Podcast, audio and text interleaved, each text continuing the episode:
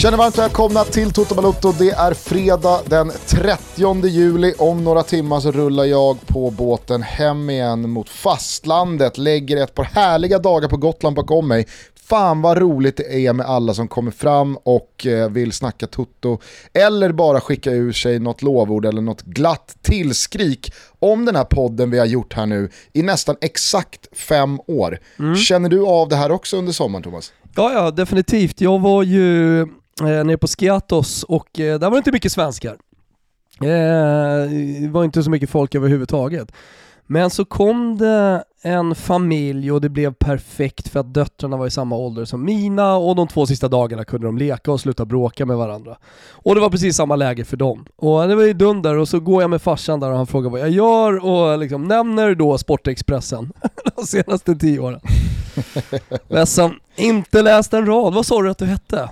Uh, Thomas Wilbacher. Ah, ledsen. Uh, det, nej, det ringer ingen klocka. Internationell fotboll säger jag. Kollar jag ändå rätt mycket Champions League och så. Jaha, nej men jag gör en podd också, Toto Balutto. Är du som gör Toto Balutto?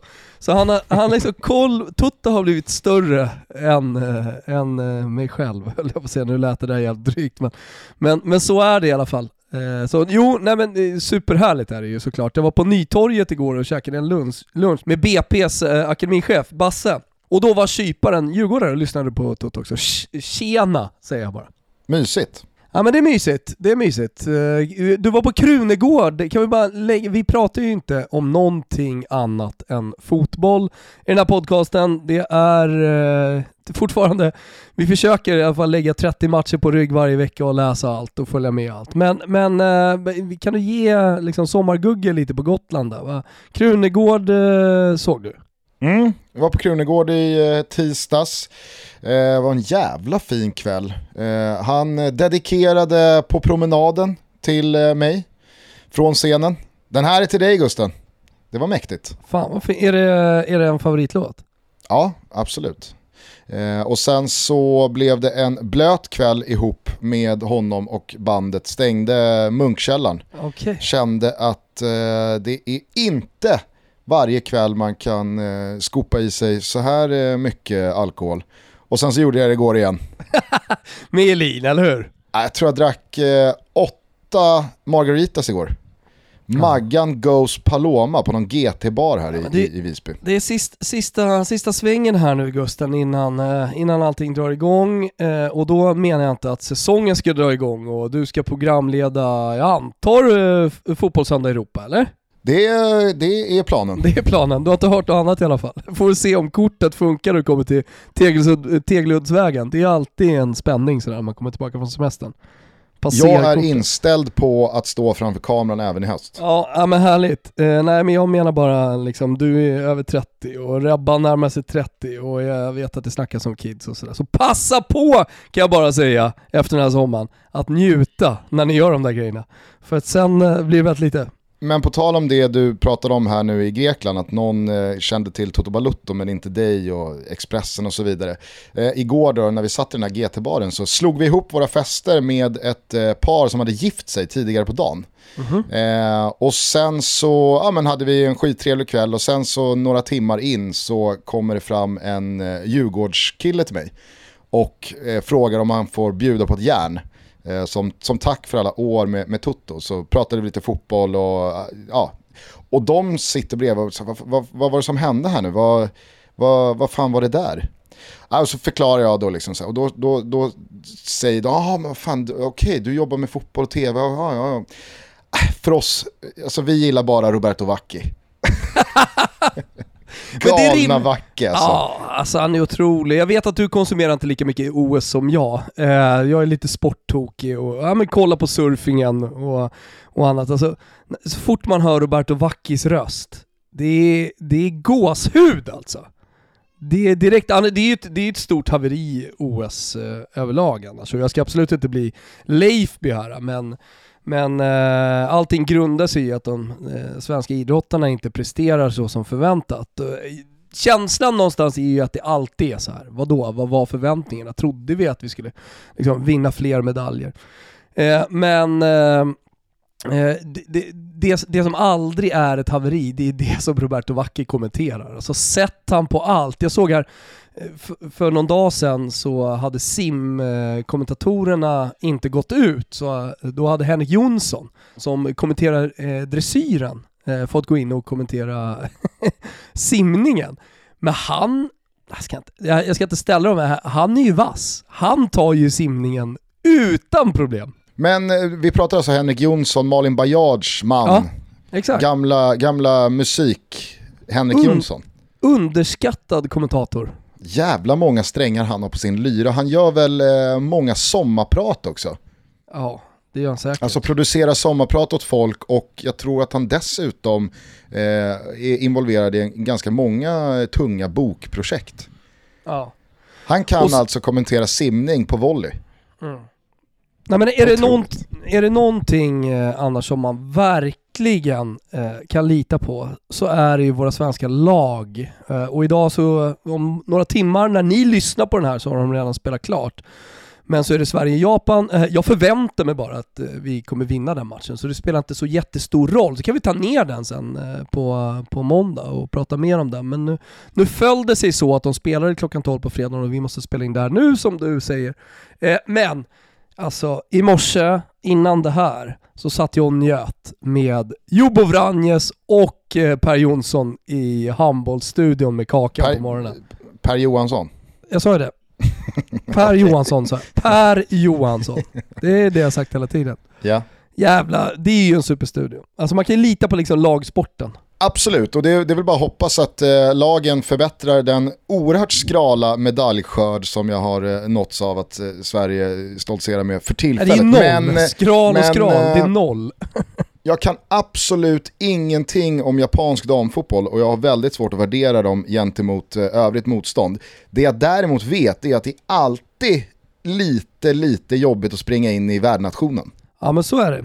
Alltså det kanske är lite extra sisu i de japanska benen och sådär. Men det, är så, det, det, det, blir lite fel att prata om, eh, alltså det är ett sånt två plus-segment här hela, hela starten av Toto Balotto idag. Men det måste få vara så på semestern också. Och, jag tyckte i alla fall att det var väldigt roligt att det här paret liksom så här, men för fan vi kollade ganska mycket fotbolls-EM, menar du att du programledde? Då sa ja, det var alltså André Pops på SVT och så var det Lasse Granqvist och jag på TV4 och Simon. Ja. Ah, vad fan, jag såg ju många matcher alltså på TV. Nej, Nej jag, alltså, Roberto Vacchi, det är, det är den enda som är liksom, det, det, ja. det är min gubbe.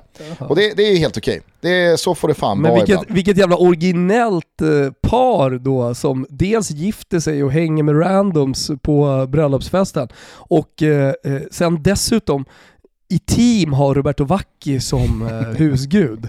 Exakt. Ja, Hon, fru, frugan säger direkt att Roberto Vacchi, det är mitt frikort. Då stämmer killen bara in, det är mitt också.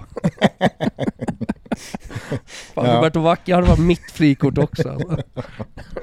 jag, tror att, jag tror att Roberto Vacchi är, alltså han är frikort till fler än vad man kanske eh, liksom ens är mm. nära att tro. Ja men exakt, det, det, det, är lätt att tänka Brad Pitt och, så, och sånt där. Men alltså, I grund och botten så är det Roberto Vacchi som är liksom det stora frikortet i Sverige. Alltså, kommer på en tydlig bronsplats i Sverige med Zlatan etta.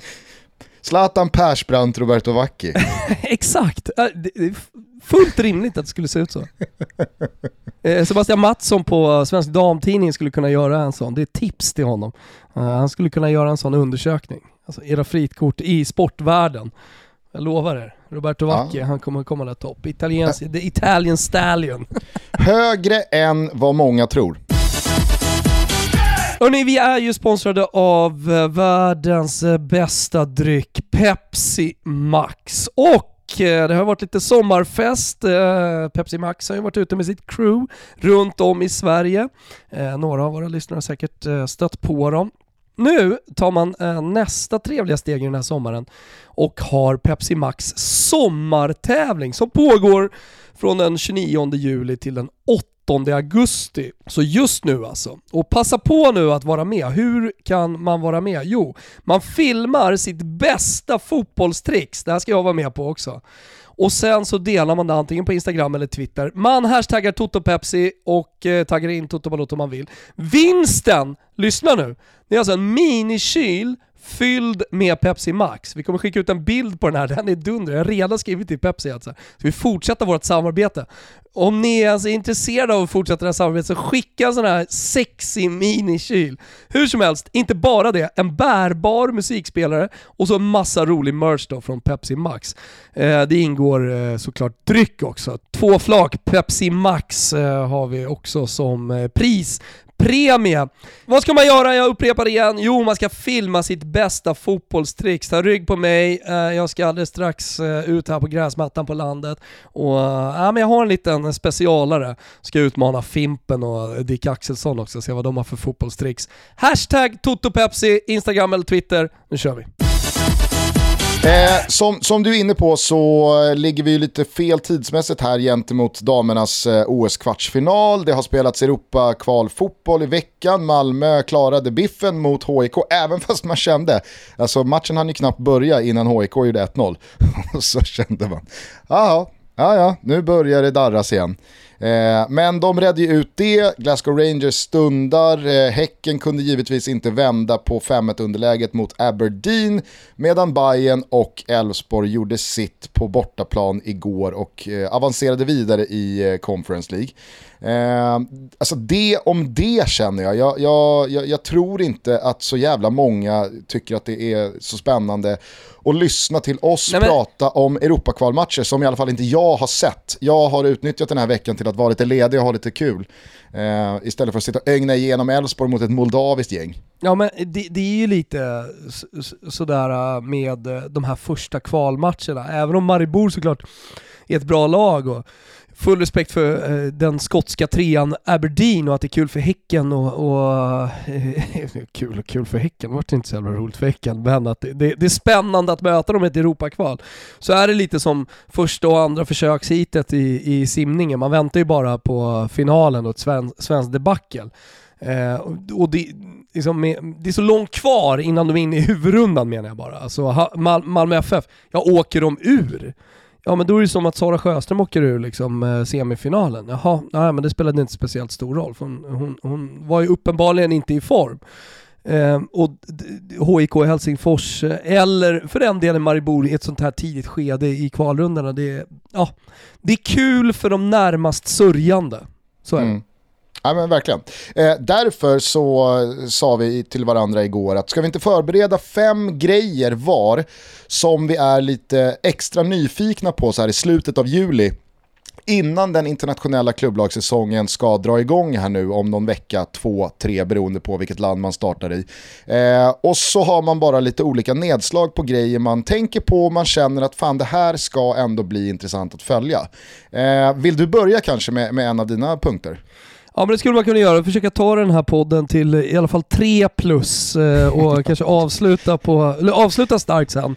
Eh, Vi avslutar med på promenaden med Krunegård och kämpar oss upp över strecket till 3 plus. Alltså Krunegård är vår gubbe fram till 3 plus i det här avsnittet. Eh, eh, nej men, eh, jag, jag har försökt vara lite, eller, eller helt ärligt, de fem grejerna som jag verkligen eh, ser fram emot. Eh, så eh, vi kan börja med, med svenskarna.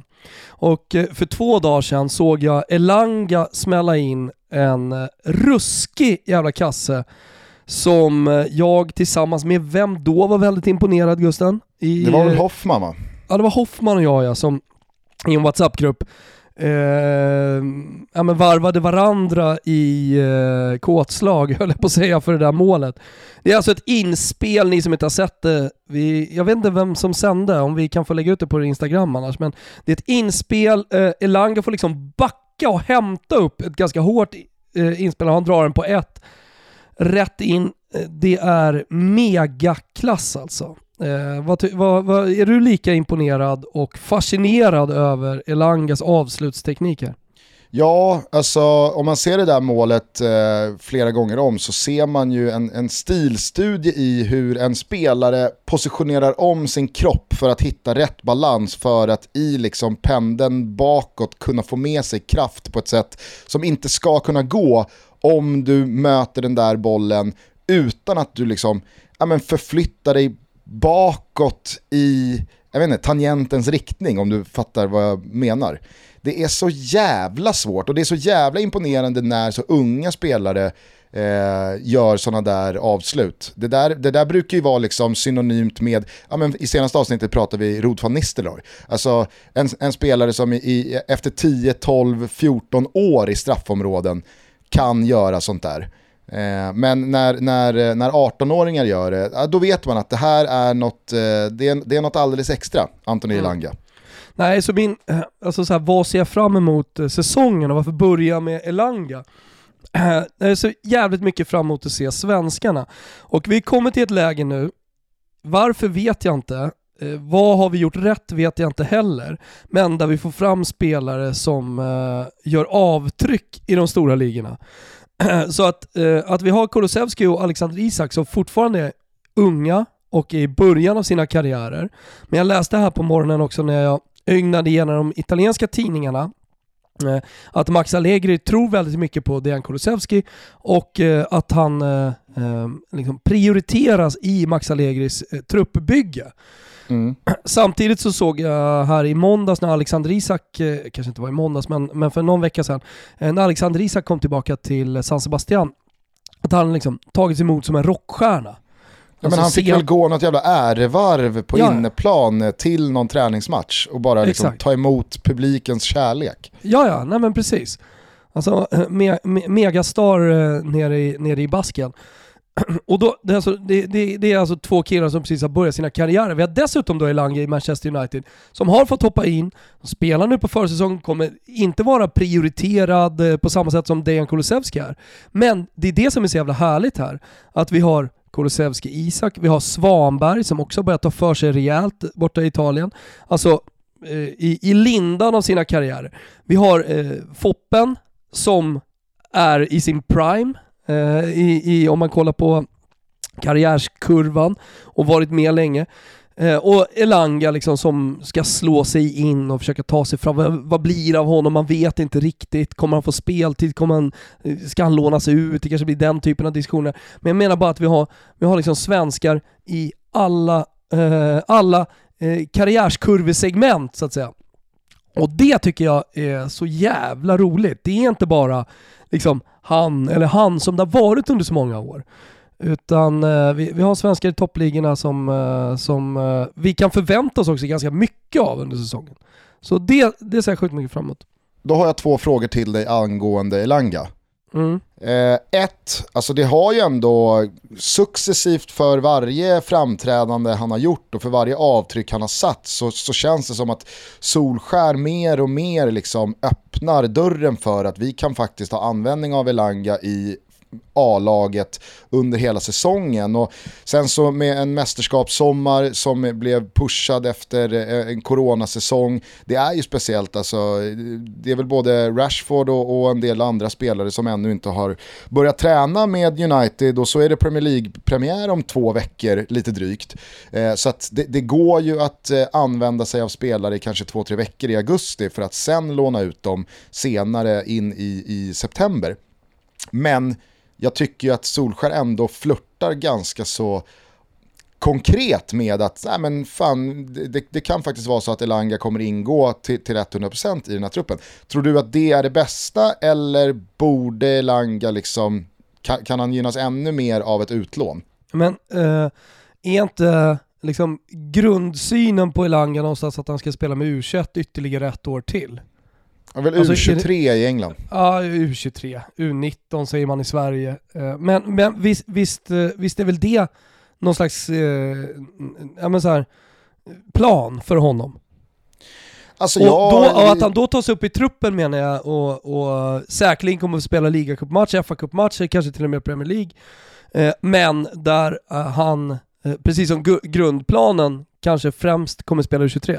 Jo, det, det, det, det, kanske är grundplanen, men det är ju i alla fall inte att likställa med ett utlån och kanske få 34 starter i Championship. Nej. Det, men jag är inte säker på att det kan ju vara en heller. väg, nej absolut, det, det fattar jag. Men jag säger bara att det, det, ju... det kan diffa ganska mycket. Jo, och det diffar väldigt mycket i de olika länderna.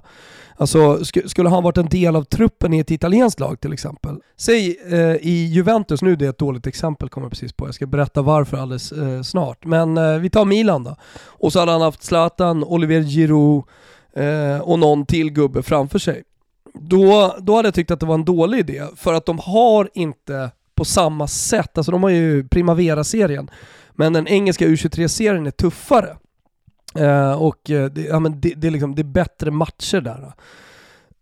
nu, varför var det ett dåligt exempel med Juventus? Jo, de har faktiskt ett Serie C-lag. Uh, så, alltså ett, ett, Juventus B kan man säga, som spelar i tredje divisionen. som jag tror faktiskt det enda laget, den enda klubben i i Serie A som, som, som har det på det sättet, alltså på spanskt sätt, alltså ett Barcelona B och Real Madrid B och sådär. Ehm, men, ehm, nej, så jag, jag, jag vet inte om det är, jag, jag, jag, tror att det är ganska bra. Jag tror att han ska vara kvar inom och försöka slå sig fram. Och skulle han dessutom då få en truppplats så betyder ju det att han hela tiden tränar med med eh, eh de, de, några av de absolut bästa spelarna i världen. Och du vet ju hur lång säsongen är Gusten. Helt plötsligt så har du en skada som blir två skador på anfallsspelare. Och så sitter han där på bänken redo att hoppa in. Mm. Så nej, jag, jag tycker definitivt att det är mycket, mycket bättre, i alla fall det här år ett, för honom, som vi ändå får se det som. Fråga två då, då. borde Janne agera direkt här till första mm. trupp, truppsamlingen? Ja men det tycker jag. Om, eh, som, om, om det nu blir så som du spekulerade Gusten, att Zlatan väntar en samling, då, då tycker jag definitivt att han ska med. Mm. Då är det ingenting att vänta på. Ja, eh, det var ett otroligt mål han gjorde mot Brentford i alla fall. Men det låg ju i lä gentemot Andreas Pereiras volleyskott. Såg du det? Ja, jag såg det. Fan, fan, värsta, värsta smäll man sett i år alltså. Ja, Herregud. sjuk. Och jag tror att det där var precis vad United liksom kunde drömma om gällande Pereira för att liksom en gång för alla kunna bli av med honom. Nu, nu måste ju någon, någon liksom scout känna att äh, jag, jag, vet, jag har alla siffror, jag har allt statistiskt underlag här, det ser inte bra ut, det, har, det här är inte en spelare att satsa på. Men det där målet, va? ska vi inte bara ta honom ändå? Någon kommer ju sväva iväg kring ett ja. sånt där mål. Vi var inne på vad vi ser fram emot. Jag ser otroligt mycket fram emot att se svenskarna ute i världen spela fotboll och, och det, det, är många som vi inte ens har nämnt här nu. Så Jesper Karlsson kan han ta ytterligare ett steg, kanske hitta en, en större liga vad det lider. Eh, Jordan Larsson, alltså kan han bekräfta att han är en eh, av Rysslands absolut bästa anfallare. Eh, vi ser ju vad som händer med de ryska spelarna nu, de bästa ryska spelarna. Var ju nummer 18 på väg ut, eh, på, på, väg till Tottenham eller eh, vad var det mer för klubbar? Som Milan. Var Milan. Milan. Milan. Och jag menar, det, det, det blir ju sådär eh, som eh, vi pratade om med Mörks gubbe där, Odilon, att när eh, till exempel Tottenham kliver in, ja, men då vaknar ju lite de andra klubbarna. Bara, Shit, vänta, vad är det här för kille de kollar på? Han verkar vara nära. Och sen så eh, kanske det adderas då ett par klubbar. Och eh, vad det verkar i alla fall så är Georgiens nummer 18 på väg till en storklubb. Det, bara det kan man ju se fram emot. Men med det sagt så är, så, så är det alltså en spelare eh, som har gjort det jävligt bra i Eh, Ryssland. Och gör man det jävligt bra i Ryssland då är man nära en, eh, en, en bra klubb i Europa. På tal om det så måste jag ju säga att jag är lite nyfiken på vart Kristoffer Olssons karriär ska ta vägen efter att han då lämnar Ryssland och Krasnodar, går till Anderlecht. Jag blev i alla fall förvånad över den eh, transfern. Att han väljer att gå till Anderlecht, Belgien. Alltså, han, han får jättegärna bevisa mig fel och eh, visa att Anderlecht kan vara ett steg upp från Krasnodar och toppen av, av ryska ligan. Eh, och att man från Belgien kan ja, men, fortsätta uppåt och framåt i karriären. Det var, det var bara en oväntad eh, klubbadress han, han eh, klev in i. Jag tror att förväntningarna på Kristoffer Olsson var eh, en, en stor liga. Eh, men eh, det kanske också är det bästa för honom. Alltså när, när, när jag tänker på att det inte blev hundraprocentigt i Ryssland eh, så är han det nog... inte så liksom, bra EM heller. Nej, han var inte så bra i EM heller faktiskt. Eh, så, så kanske det är just det att han måste hitta hitta en nivå som passar honom. Om det är så att han haft andra bud och kunnat tjäna mer pengar och han väljer Anderlecht, för han tror att den miljön är bäst för hans egen utveckling, då, då hyllar jag honom verkligen. För då har han ju liksom en plan och en tanke med karriären snarare än att maxa ut den ekonomiskt. Jag eh, har en, en, en, första konkret tanke här som tangerar det du pratar om. Eh, du nämner ju Elanga och Jordan Larsson och Jesper Karlsson och spelare som verkligen är på väg uppåt och som inte har eh, varit speciellt länge på, på den här scenen eh, och, och, du är spänd på vart de kan ta vägen. Jag hittar ju en svensk i andra änden av det här spektrat för jag är så jävla nyfiken på vad John Guidetti kan göra av sin ja, men, eventuellt då liksom sista säsong ute i Europa? Eller är det nu han tar fart? För att jag har följt Guidettis eh, öde här nu under sommaren. Han var ju väldigt eh, tydlig med att han inte konsumerade något EM och det känns som att nej, men nu är det liksom nu är, nu är landslaget eh, förbi, det är passé, men eh, de flesta som lyssnar på den här podden känner till hans eh, situation i Alaves. Han är klubbens dyraste spelare på lönelistan. Han lyfter väl någonstans runt 20 millar per år. Eh, han har ett år kvar på kontraktet och när han gick på utlån till Tyskland för ett och ett halvt år sedan så var det ju för att han skulle ha den där EM-platsen, coronan kom, alla vet vad som hände med, med EM-turneringen, den sköts upp. Och så blev det då ett fjolår där Alaves återigen försökte låna ut Guidetti men jag tror att han kände själv att nu handlar det inte om att säkra en EM-plats längre, för den har jag förlorat. Mm. Och då fanns det ingen klubb som dels ville ha honom och jag tror inte att Guidetti ville då byta Alaves, Spanien, sol och 30 grader mot typ Hannover eller någon annan industristad i ett litet sämre land med pissigare käk och barn och fru ska bo kvar i Spanien och han ska sitta solo på något hotellrum eller någon, någon hyrlägenhet. Vet du, vad jag märker, vet du vad jag märker nu Gustav? Att du har ju sannoliken inte följt Edvard Bloms eh, sommarresa genom Tyskland. Vadå pissigare käk alltså? Helvete vad han, vad han har krubbat krubba fint när han har åkt genom Nürnberg och små tyska hålor. Jo, men jag tror också att Guidetti och Edvard Blom har lite olika inställningar till typ korv. Men ja, det, det, är bara, det är bara min tanke. Eh, nu verkar det av allt att döma vara så att ja, men, eh, Javier Calleja här, eh, tränaren som tog över Alaves i, i våras, han, han, han ska ju givetvis då bli kvar, men att han då förmodligen tillsammans med den sportsliga ledningen har enats om att ja, men då får vi väl göra det bästa av Guidetti-situationen här sista säsongen och försöka krama ur några ja, men, eh, valuta för eh, pengar eh, droppar ur den här trasan. För att Guidettis, hans aktie har ju inte ökat på någon transfermarknad. Jag tror inte speciellt många klubbar liksom ens ser honom som ett alternativ när man tittar på lönekostnad och att Alaves vill ha pengar för honom. Utan nu kommer det bli ett sista år i Alaves, de är kvar i La Liga. Om Alaves bestämmer sig för att nej men då får vi fan spela Guidetti då. Alltså det är ju fortfarande en anfallare som kan hitta in i det här jävla stimmet. Alltså det vore så jävla kul om Guidetti kan få en flygande start på La Liga-säsongen. Dra in två, tre bollar och helt plötsligt liksom ja, men, eh, trolla fram fem år till av karriären. Hitta ett kontrakt någon annanstans. För att annars så tror jag att vi bara kommer se Guidetti sitta av tiden, ingenting kommer hända, han ska ha så många Spanien-miljoner som möjligt med sig hem och sen, alltså sen måste det väl bli allsvenskan. Ja, jag tror också det.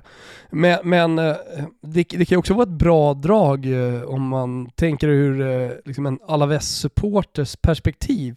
Att ge John Guidetti lite fler chanser under den här säsongen i och med att han lite spelar för sitt liv.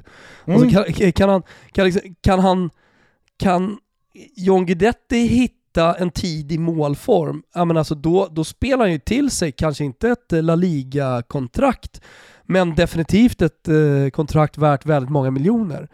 Eh, och ja, men det behöver inte vara helt dumt vad de att förlora. Eh, och jag menar, det kommer en, det kommer en vintermercato där man, där man kan rätta till saker och ting sen också. Eh, och det, det, är det här jag menar, eh, när, när man nu, till skillnad från för tio år sedan, kollar på svenskarna i Europa. Du har Guidetti-situationen som du nämner. Vi har inte ens pratat om Zlatan Ibrahimovic och liksom, vad, vad, går han emot? Är det, är det sista säsongen här nu som han gör? Kommer knät hålla och sådär? Alltså det, det, det finns så mycket svenskt att se fram emot. Jag tycker också att det finns en jävla situation eh, vid, vid eh, horisonten här för Victor Nilsson Lindelöf. Just det. Jag menar, han har, ju, han har ju stångats mot en ganska unison kritik från brittisk press eh, i, i, i två, tre år. Men eh, han har ju inte haft någon konkurrent som har över tid varit bättre än vad han har varit. Utan han har ju gjort det tillräckligt bra under de här två senaste säsongerna med Maguire för att Erik Bailly inte ska ha kunnat tagit den där tröjan. Och visst, Erik Bailly, han är väl skadad 80% av säsongerna.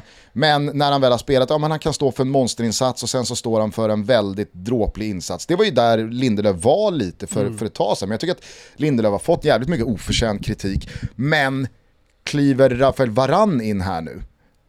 Alltså, då hamnar ju Lindelöf givetvis i en situation där en av fem matcher kanske är rimligt att, att få, få speltid i. Och vad är det för match? Och kan Sveriges landslagskapten eventuellt, om han tar över den binden eller om det blir Albin, skitsamma, du fattar vad jag menar. Guldbollen, ja. Vigge och den, den, den viktigaste spelaren i landslaget kanske i det här generationsskiftet. Hur länge kan han sitta på bänken i sitt klubblag? Där vill man ju inte heller hamna. Nej, man vill ju inte det, men jag tror att eh, en säsong funkar ändå. Är du med? Det är, inte, det, det är ingen önskvärd situation. Men en säsong funkar alltid när det går lite knackigt.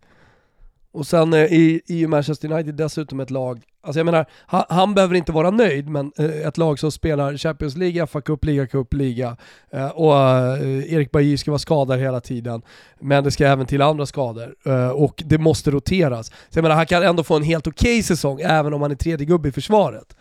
Men, men sen kanske, sen, det intressanta blir ju om det nu, alltså spekulera att det blir så, eller vi förutsätter att det blir så, så, så blir nästa sommar spännande. Vi är i alla fall överens om, låter det som, att det ska bli oerhört spännande att följa många individuella svenska case den här säsongen. Ja, exakt. exakt. Från båda så, ändarna av liksom karriärsspektrat. Ja men precis, för att vi har ju också hyllan under med Starfelt i Celtic och Helander i Rangers och ja, men som jag sa Jesper Karlsson. Alltså vi har ju de som ligger precis bakom också. Jag såg att Eliasson eh, hade eh, ganska bra game på, på transfermarknaden här. Eh, även om det inte är liksom de största lagen så är många som är intresserade efter en fin säsong också i Frankrike. Så det, alltså vi, vi, har, vi, har, eh, vi har spelare på precis alla hyllor. Mm. Verkligen. Eh, men du, eh, mer grejer då som, som du eh, kritade ner på din eh, femlista? Nej, men, jag, jag tycker eh, med 40 år på nacken eh, att fotbollen ofta går liksom i vågor och följer trender precis som allting annat. Alltså eh, Catenaccion i slutet på 90-talet, början på 2000-talet som firade stora triumfer kanske på något sätt eh, gick i mål ehm, med Eh, Eh, det italienska VM-guldet 2006 och Greklands eh, e EM-guld 2004 som var väldigt så här catenaccio-taktiskt präglade. Eh, sen så kom eh, den tyska 4-2-3-1 fotbollen, gegenpressing, tiki-takan tog väl över delvis, men liksom det, det går det, det, går, det går liksom trender i det taktiska och därför Eh, är jag intresserad av vilken trend det är som kommer att eh, liksom få fäste här nu den här säsongen och kanske kommande år. Men att man börjar se tendenser redan nu. För att eh, jag läste en artikel här för några dagar sedan om just Roberto Mancinis då possession-inriktade fotboll. Eh, men som trots allt är en twist på tiki-takan och du kan inte jämföra den med liksom den trysk, tyska eh, energifosballen. Eh, eh, men, men, att det, det, det, är inte bara italienska, unga italienska tränare utan även internationellt så liksom kollar man på det eh, Roberto Mancini lyckades med med det italienska landslaget i sommar. Alltså är det, är det en trend som kanske kommer eh, att få fäste även hos eh, mittenlag, kanske bottenlag, att de, de här unga tränarna som kommer upp försöker spela den typen av fotboll. Det kommer ju såklart haverera på sina håll. Eh, men, men just så här, eh, se fram emot att se kanske en ny trend i fotbollen eh, rent taktiskt som, som sätter sig.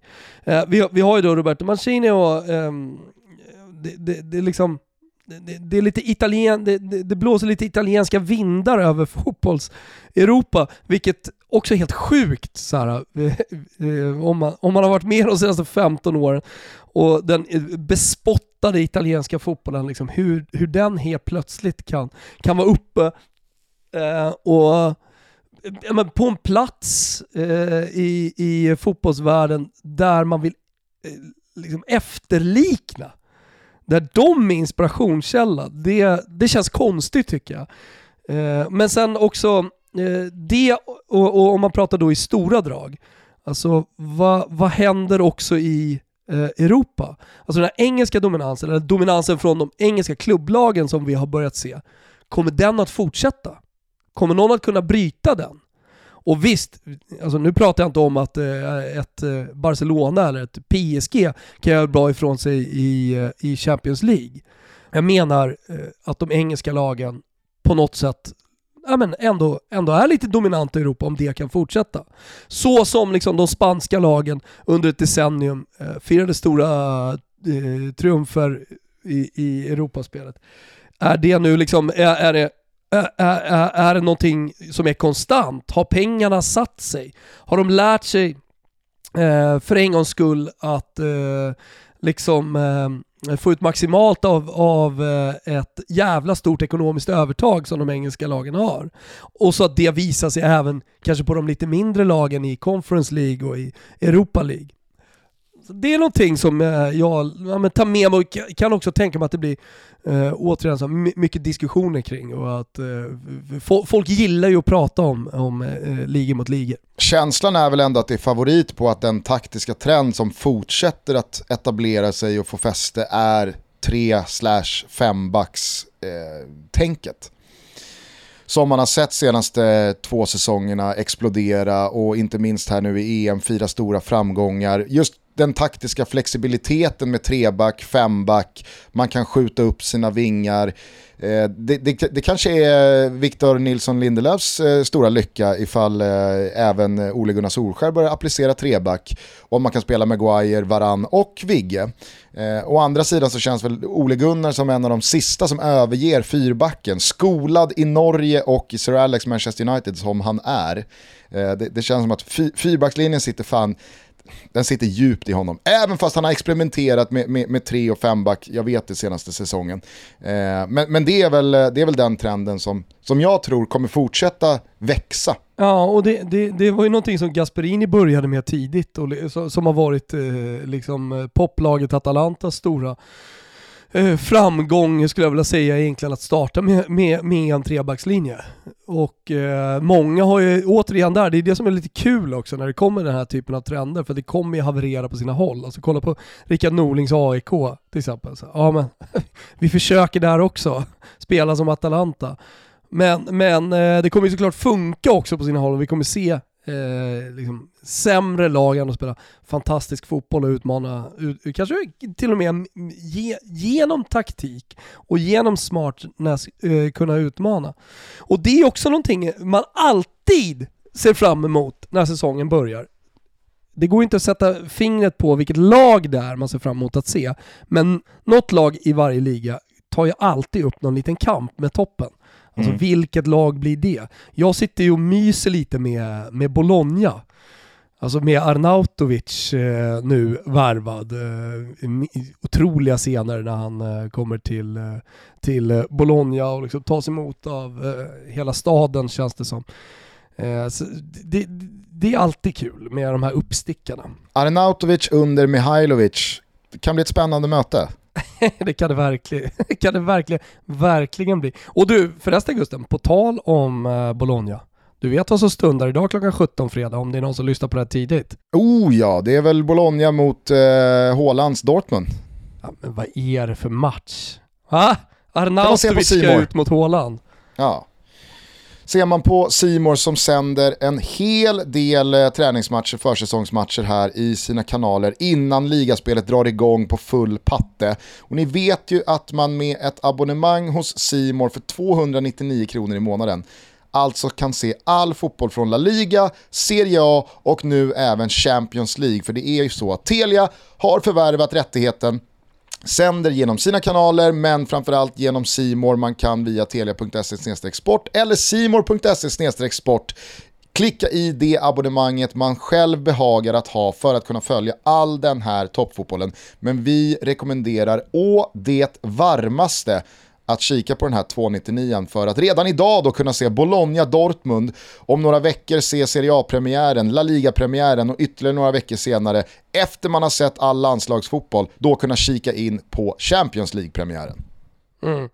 Uh, och får jag komma med lilla, lilla tipset där också när vi ändå pratar om Simor och uh, sommarkvällar. Man kanske har varit ute som du och sett Krunegård kommer hem, har lite insomnia. Uh, så rullar Major Soccer League just nu. Och jag, jag, jag, skulle vilja ge oss en liten gulasch faktiskt i detta. Alltså, innan, innan du slevar upp gulaschen här, mm. är det inte Major League Soccer? Jo det är det. Ja, det är det jag sagt hela tiden. Jag sa Major League Soccer sa jag. Ja. Det är den amerikanska ligan jag pratar om Gusten. Den heter ja. Major League Soccer. Det gör den. Ja, och Gola känns leva sig upp till Toto Balutto den här veckan. För att helt och fullt ha glömt Anton Tinnerholm i diskussionerna om näst, svenska landslagets nästa högerback. Alltså vi, hur kan han inte vara given? Har Janne liksom oss glömt bort honom eller? Ah? Har Janne glömt bort mallen? Det är dags Janne att ta ur skallen ur såsskålen här va? Och börja titta bort mot New... I, i, I natt till exempel, natten mot lördag, så är det New York City mot Columbus Crew. Vilken jävla match på Simon Fotboll också. Samtidigt är det inte lite mallen att bli bortglömd? jo, det kanske ingår liksom i hela mallen-konceptet. Fan vad mallen ja. att bli bortglömd jag, jag ska spida på lite i, i mina grejer jag ser fram emot. Jag kan bara Aha. snabbt beta av. Jag, jag, jag, är, jag är spänd på att se vad som händer med Frank Lampard och Andrea Pirlo. Vart de ska landa in. Vart deras tränarkarriärer tar vägen. Ja, jag tror att det blir, i alla fall för Andrea Pirlo så blir det att vänta på ett uppdrag. Han skulle mycket väl kunna komma in där äh, framåt julkakan ska käkas äh, när, när, när något av topplagen har havererat. Milan till exempel är det inte lite liksom déjà vu kring eh, Andrea Pirlos tränarbana som det var med Pippo Inzaghi? Jo men lite. Lite för stort uppdrag direkt, det går lite för dåligt men han är för girig själv att liksom gavettan nere i kadetten Nej, inte riktigt än. Det får jag ta om det är det enda som återstår. Och så blir den vandringen alldeles för lång. Ja. Nej men, eh, Alltså, vi kan ju bara recappa det att Andrea Pirlo tog över Juventus efter att eh, då haft... Eh, tränarlicens i två dygn. Efter att ha haft eh, tränarlicens och fått eh, Juventus U23. Eh, och ja, det, det, det, var, det, de, det, det var det tränarskiftet de gjorde samtidigt då som Antonio Conte med blicken mot eh, den lilla skölden, scudetton, eh, fest. Det är liksom, äh, det var ju dömt att misslyckas såklart. Eh, Max Allegri kommer in och styr upp där nu, det är jag helt säker på. Det blir... ska fan, vi, vi, vi ska väl ha lite sådär ligaspecifika avsnitt inför säsongen va Gusten? Absolut, absolut. Vi ska köra ja. lite Premier League med Hoffman och La Liga med, med, med, med, med Pinitoro och sen så sitter vi väl och surrar Serie A med Svanen och Mm. Heads up, eftersom jag vet att hela oddsättaravdelningen borta på Betsson lyssnar. Så heads up redan nu, börja boosta Juventus eh, eh, Serie A-vinnare.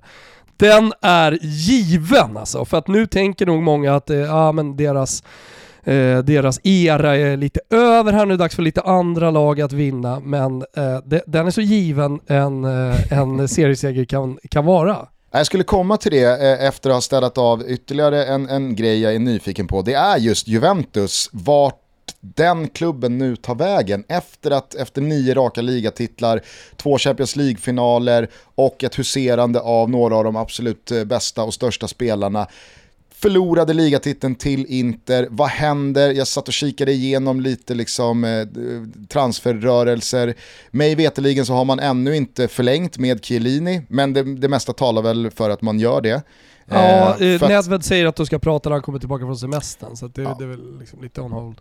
Blir det inte Chiellini, ja men då tappar man ju samma sommar Buffon och Chiellini och det kanske inte är Alltså, det, det, det, går väl att hämta sig från att bli av med Buffon, men slår man ihop det med Chiellini, ja, hur mycket försvinner egentligen då av Juventus och den mentaliteten som har rått där? Och hur blir det egentligen med Cristiano Ronaldo? Va, va, vad drivs han av den här säsongen? Finns det liksom tillräckligt mycket revanschlusta i honom? Eh, eller, eller har han bara hamnat ja, men, snett karriärsmässigt. För att där är det ju skillnad på liksom Messis fortsättning i Barcelona och Ronaldos fortsättning i Juventus. De är inte alls lika sammanlänkade, sammanflätade spelare och klubb som Messi och Barcelona är. Så det finns ju, någon, det finns ju några andra värden i det. Allegri tillbaka i Juventus, ja, men så här, vad, vad, vad drivs han av? Vill han bygga om? Vill han inte eh, han, han kanske vill rensa ut det, det, det, sista som finns kvar av det Juventus han lämnade. Alltså, jag är ruskigt spänd på just Juventus sätt att tackla den här stundande säsongen. För det finns ju ingen annan jätte.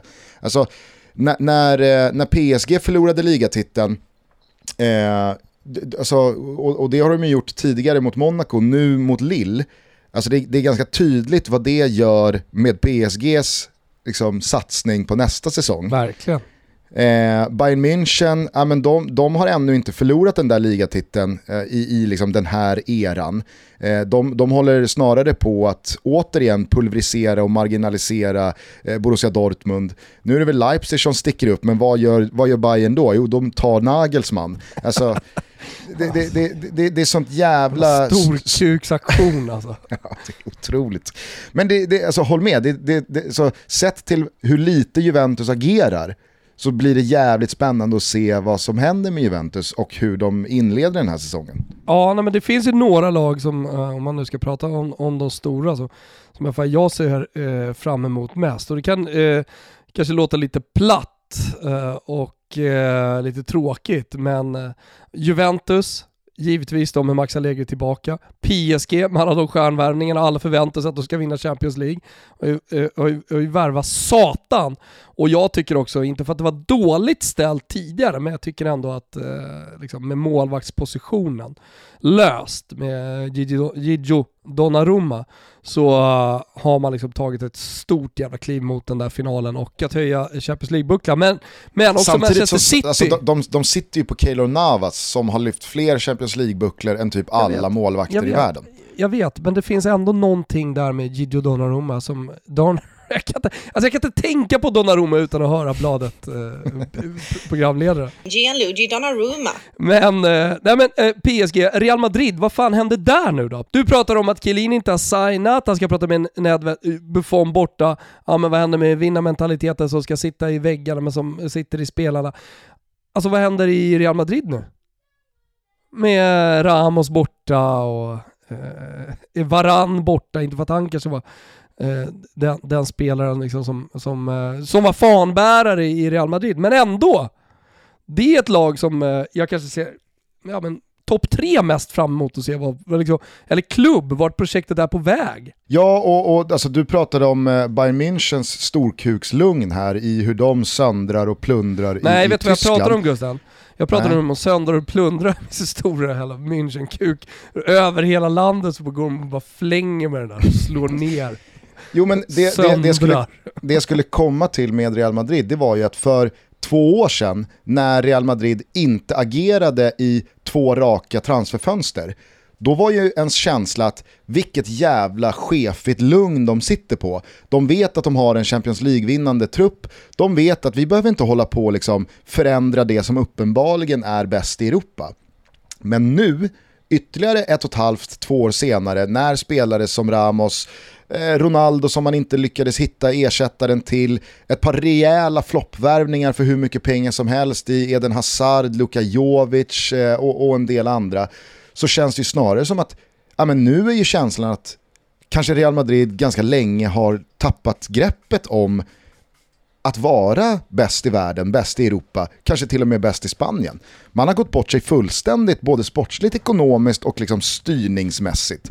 Florentino Perez, han har funderat för mycket på den här superligan och haft det som någon slags ledstjärna för att garantera Real Madrids storhet. Nu när det inte blev så, så, så, så tittar jag på Real Madrid och känner, ja, men som du är inne på, vad, va, va fan är det här för bygge? Plocka Ancelotti tillbaka i det här läget, vad, va, va, garanterar det? Ingenting är ju känslan. Nej, eh, och där, därför så blir de ju eh, extra roliga att följa den här säsongen. Men äh, återigen då, kanske i den här gulaschen till oss själva så får vi väl kasta en liten extra slev äh, över oss äh, när vi gjorde klart att Harry Kane skulle spela Manchester City nästa säsong. För det är ju inte klart. Det gjorde vi inte klart. Jo, det gjorde vi. Sättet vi pratade om honom i Manchester City på gjorde det klart att han skulle spela där nästa säsong. Jo, fast vi sa inte att han är klar för Manchester City. Nej, men, men, men mellan raderna så förstod folk det som att vi trodde att han var klar för Manchester City. Skitsamma. Men eh, alltså det, det, där har du ju... Där har han, också... var, han var Ranjnik till Milan klar. Ja, just det. Det var där sitter man ju också och väntar på, vad fan, alltså, vilka ska fatta att det är Ralf Rangnick man tar för att liksom gjuta nytt liv i en klubb? Eh, men du, eh, har du några fler grejer på, på, på hjärtat eller har vi, har vi städat av det mesta? Eh, vi har städat av eh, det mesta, så bara en sak sådär. Eh, det är ju inte, det är inte nästa säsong, men alltså VM 2022, eh, det är närmare än eh, vi tror. Alltså vi kommer, vi, kommer liksom, vi kommer gå till VM 2022 med stormsteg. Och i och med att eh, VM ligger i november, eh, men ändå så kommer vi börja prata om eh, VM redan i slutet på nästa säsong. Alltså då, då, kommer det, då kommer det gå upp för hela fotbollsvärlden att vänta här nu, vad fan, hur var det nu? Hur ligger, hur ligger det mästerskapet? Vad kommer hända med, med klubblagen? Vet du till exempel nu Gusten vad, hur, hur säsongen 22-23 ser ut? Det är, väl, eh, det är väl paus från typ eh, första november till eh, första januari.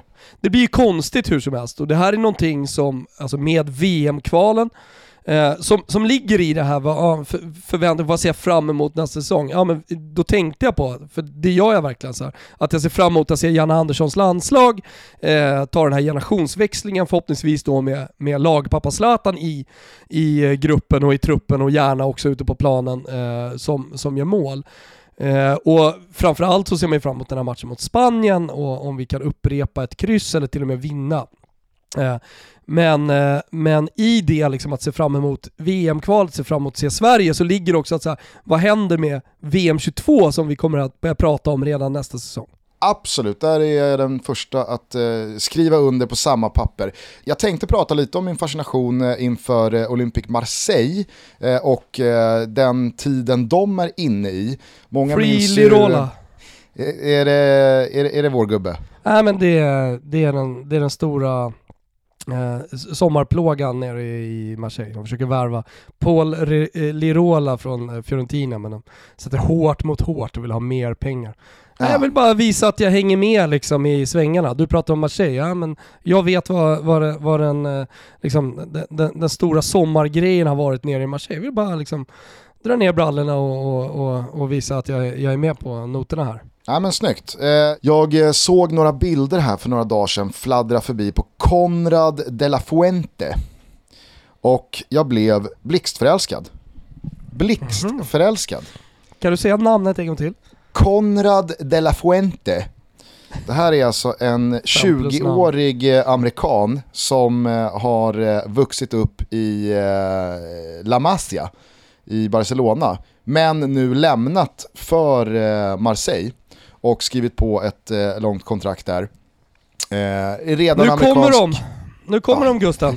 Jänkarna. Jänken alltså, nu kommer de. Herregud alltså. Verkligen. Nej, men, men på riktigt alltså, de kommer fan. Och Conrad de la Fuente, han tog mig liksom in i eh, Marseilles eh, truppbygge här inför stundande säsongen. Många kommer ihåg hur det såg ut i våras när träningsanläggningen brann, eh, Jorge Sampaoli anlände, det var sånt jävla kaos. Eh, man plockade in Milik, Eh, från eh, Napoli. Eh, Stråtman lämnade vad som kändes var i protest nej fuck det här, jag kan inte vara kvar i den här klubben längre, det går inte. Nu är det jag som drar. Nu har man också släppt eh, sin, liksom, ja, men, sin kanske bästa spelare genomgående de senaste säsongerna, Florian Thauvin, som helt under min radar har 28 år gammal lämnat för Mexiko, Tigres. Alltså han gör som Big Mac Gignac och lämnar för den mexikanska ligan. Anton Tinnerholm i all ära, här snackar vi mallen. Ja. Tovän lämnar 28 bast för Mexiko och Tigres. Ja, och i god vän eh, ska ju sägas eh, med eh, Big Mac Gin Jack och mm. har blivit inspirerad av hans karriärsresa. Hur går det för Big, Big Mac nere, borta i Tokyo? Nej, men det går hur bra som helst. Så visst gör det det? Ja, ja, ja. Han har ju smält in 150 mål sedan han klev dit. Och det är alltså ja, ingen, det är, alltså... det, är, ingen, det är ingen krydd, utan det är det är, det är vad fan han har gjort. De gick ju till VM för klubblag-final. Eh, Nej, jag, jag tänker mest i de olympiska spelen, hur det går för honom. Nej men de åkte ju, eh, så det bara sjöng om det va. Mot, är det eh, sant? jag tror att de torskade med 4-0 mot Japan här, frassarna. Fan, ja, men, och det, återigen, fan, det är en timme kvar när vi spelar in det här till eh, Japan-Sverige och alla ser framför sig en svensk eh, succé i den här matchen. Ja, man blir lite skraj. Mm. Torska. Nej, men, eh, och, och, och, så när jag då liksom konsumerade eh, Olympic Marseille så här i slutet på juli innan säsongen 21-22 ska, ska gå igång så fastnade jag för deras president Pablo Longoria. Mm -hmm. Alltså det här är ett öde som jag vill prata mer om, men jag känner att tiden börjar rinna iväg, vi börjar bli långa, min, min, mitt schema här för att lämna ön börjar bli så pass pressat att får jag, får jag cliffhanga Pablo Longoria eller? Absolut. Så tar vi det nästa vecka. Ja, ja, ja. Nej men det, det kan vi göra. Det, det, är inga problem. Jag ser bara bild på honom här, det ser roligt ut. Ja, du kan ju också läsa in det lite på Pablo Longoria så kan vi eh, fascineras ja. Eh, kring honom ihop på, på måndag när vi hörs igen. Ja, absolut. Eh, innan vi stänger ner. Ser alltså, ut att vara typ eh, 16 bast. Det är alltså Marseilles yngsta president på över 110 år. Okay. Ja, Men han har en otrolig karriär. Eh, innan vi stänger ner, alltså du skickade en liten gulasch i, i, i plytet på oss. Men eh, det är väl ändå så att lite ska skvätta över på Blåvitt. Som inte kunde lösa en pits på Påskbergsvallen mot Varberg eh, i eh, måndags. Nej, och jag menar de torskade med 2-0, men alltså för Toto-trippen så hade det räckt med att de uh, bara stängde, att de, att de fick in en boll och startade alltså med, med Sigthorsson i någon slags form får man ändå säga, och Marcus Berg på topp. Alltså där måste det bli kasse på Påskbergsvallen alltså. Där måste det bli kasse Gusten. Ja, men jag har ju, jag har ju liksom slagit mig ner i den här Blåvitt-båten du har varit kapten på i, i några år, sen mm. några veckor, men jag känner ju redan för att lämna. Det ja, går ju jag inte. Förstår det. Jag förstår det. Jag förstår förstår det. Det går inte men... att hålla på med det där laget längre. Så att nu skippar vi dem i helgens Toto-trippel. Men eh, du, du, du, har, eh, du har en tankar? Ja, nej men eh, det är väl snarare vi som har en tanke när vi har kollat på allsvenskan. Vi, vi tror på lite raka segrar, vi tror att AIK bara vinner mot Halmstad inför hemmapubliken. AIK är inte det enda Stockholmslaget som vinner utan Djurgårdens jävla dundersäsong och eh, mangling liksom bara fortsätter. Eh, nu mot Häcken som eh, har eh, spelat dubbla fighter mot Aberdeen, Aberdeen och rimligtvis också borde vara lite trötta. Fel lag att möta då, eh, Djurgårdens IF. Eh, slutligen Norrby. Kryssmans Norrby som bara liksom fortsätter att eh, göra bra ifrån sig i superettan där uppe i toppen. Eh, de möter ju nog jumbon Falkenberg och vi tror ju att segertåget bara fortsätter för Kryssman. Så att rak Norrby också, där här finns under godbitar boostade odds som alltid. Tänk på att ni måste vara 18 år fyllda om ni ska spela och stödlinjen.se finns om man har problem. Eh, det var det Gusten, eh, Toto trippel inför helgen. Eh, vi har ganska mycket att se fram emot, eller hur? Verkligen. Eh, dessutom så är det ju liksom nu från och med den här helgen matcher eh, som, som man verkligen, verkligen vill se och inte bara behöver se. Nej. Så att eh, jag spelar fast mig, nu börjar det. Vi lämnar juli bakom oss, går in i augusti. Alltså fotbollsnyårets månad. Ja, det är mysigt. Med förväntningar på säsongen. Och hörni, glöm inte att ställa klockan klockan 01.25. På Simon Fotboll så är det alltså Mallens New York City som ska ut mot Columbus Crew. Där ni, där ni en nattmacka som eh, smakar mumma. Eller hur Gusten? Glöm heller inte att förhöra er partner om eh, Roberto Vacchi och huruvida han faktiskt Just. är ett frikort eller inte. Ja. ja. Jag tror att många som lyssnar på det här kommer bli förvånade över sin partners svar. Ja, det, ja, absolut, absolut. Jag, jag, hoppar i, eller jag hoppar i, jag har ju varit i Vackibåten länge, men nu hoppar jag även i, i, i frikorts-Vackibåten. Ah, härligt det! Hörni, ha en trevlig helg. Vi hörs igen nästa vecka. Här kommer Markus Krunegårds på promenaden. Ta hand om varandra. Ciao tutti! Ciao tutti! Gå på promenaden där jag höll pappa i handen. Nu är det jag som skjuter fram barnvagnen. Gå på promenaden bland löv och minnen. Från barnens Vasalopp till full på studenten. När mössor flög i luften och jag tänkte